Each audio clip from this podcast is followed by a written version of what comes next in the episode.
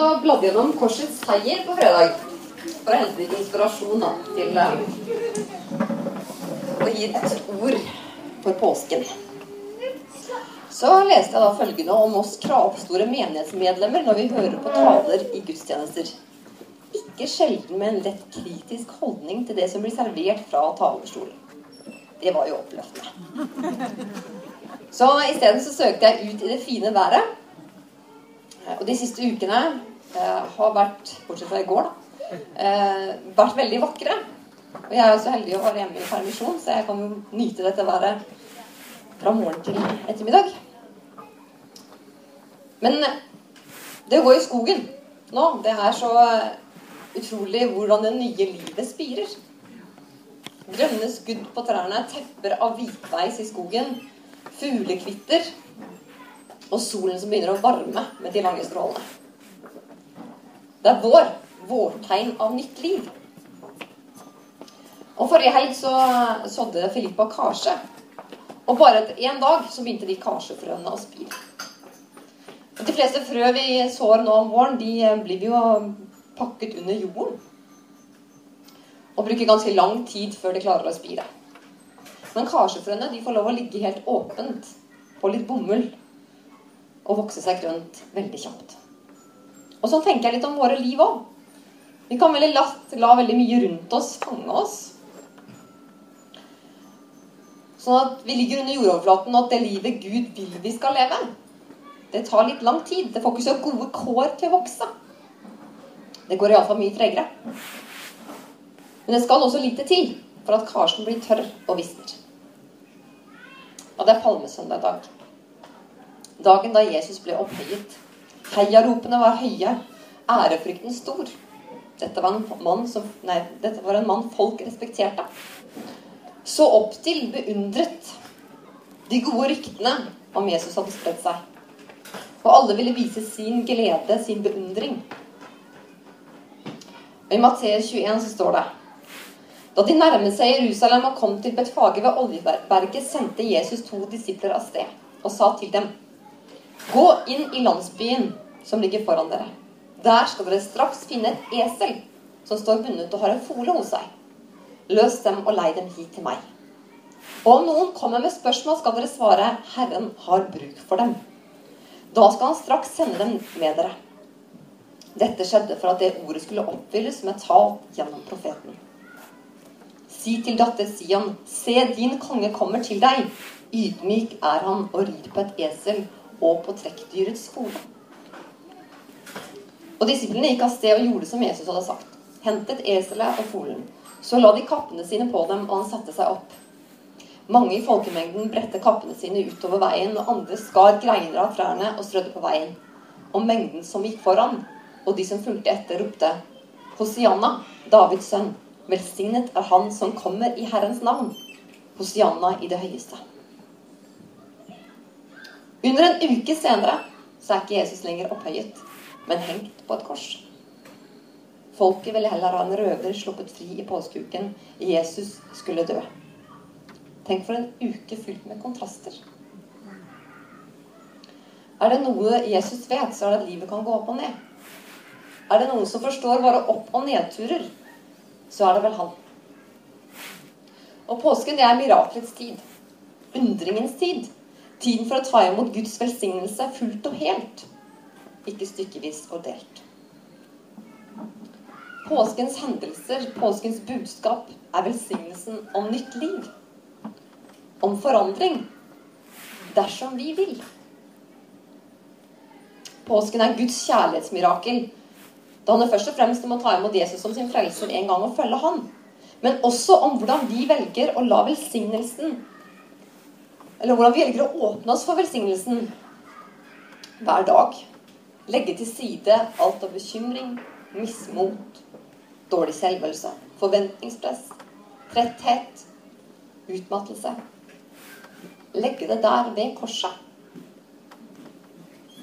La Jesus ta alt det som vi blir så slitne av å bære selv.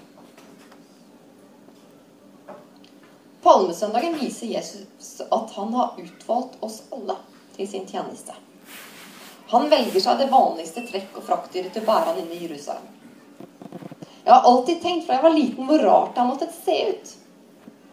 Et lavt, lite esel som bærer en som jeg forestiller meg som en høystrakt skikkelse. Som det ville vært mye lettere å forestille seg satt på en høyreist hest. Han velger seg ikke ut det ekstraordinære, men det vanlige. Jeg tror ingen av oss er skapt som vanlige mennesker. Vi er alle enestående. Men vi tenker så lett på oss selv at vi ikke kan stille til en spesiell oppgave. Jeg har jobbet eh, ganske mange år med unge folk som stadig gjentok 'Jeg kan jo ikke det, jeg'. Men jeg har oppdaget at den kommentaren der ikke er så veldig typisk ungdommelig. Den er utbredt i alle generasjoner. Den kommer riktignok til uttrykk på veldig ulike måter. Men like fullt så er opplevelsen den samme. Vi vil helst ha skriften på veggen. De enkle tegnene i hverdagen. Følelsen av at noe er riktig. Alt veldig enkelt å skyte ned som sin egen fantasi.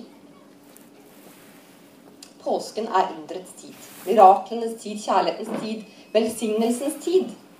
Tiden for å la Gud fylle oss med sin velsignelse. Igjen minnes og forstå kanskje enda litt bedre enn i fjor hva Jesus gjorde for oss med å dø på et kors ofret seg selv, hånet og pint, gikk gjennom enorme smerter, så det onde i øynene og reiste seg opp igjen så vi kunne få nytt liv. Ikke bare et evig liv, men også et uvanlig liv her på jorden. Jesus sier i Johannes 10.: Jeg er porten. Den som går gjennom meg, skal bli frelst og fritt gå inn og ut og finne beite. Tyven kommer bare for å stjele, drepe og ødelegge. Jeg er kommet for at dere skal ha liv og overflod. Det betyr et liv i glede, fremgang og positiv utvikling. Han skapte oss til å leve et liv i overflod. Det betyr mer av alt enn det vi trenger og forventer. Eh, jeg har fått et bilde som har kommet til meg fra ganske ulikt hold i det siste. Fra en sang av Anne Grete Preus til Den norske kirkes fireårsbok. Det er sommerfugl jeg blir alltid veldig fascinert over Guds ulike veier å fortelle oss noe på.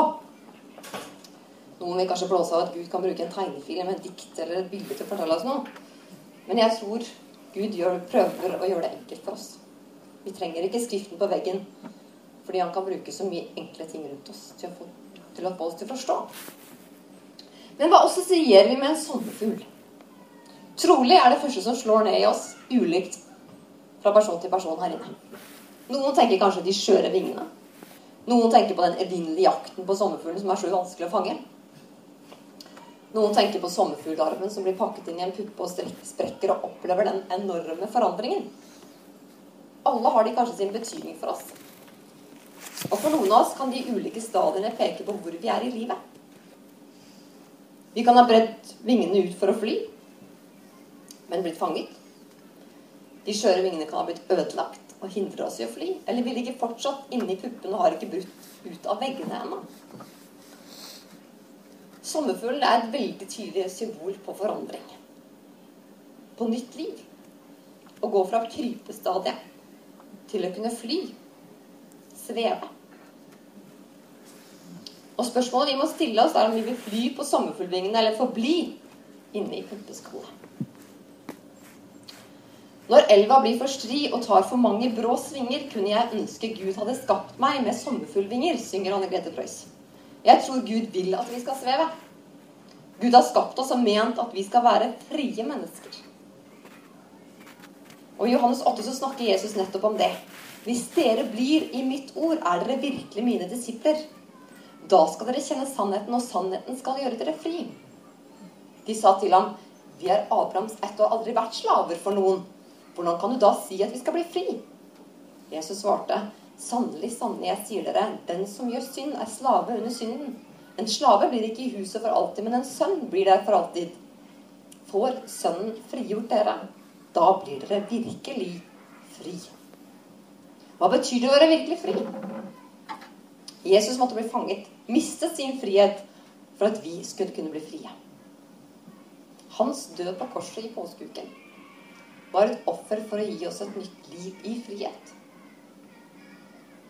Jeg tror på evig fornyelse i våre liv. Muligheten til å stadig motta Guds velsignelse, glede og fred. Og påsken er tiden for å hvile under hans vinger. Kjenne på kjærligheten, gi slipp på alt. Å være fri er å kjenne at ingen bekymringer eller andre mennesker, smerter, forventningspress, sårede følelser, egne begrensninger stopper oss til å leve livet som vi var ment å leve det.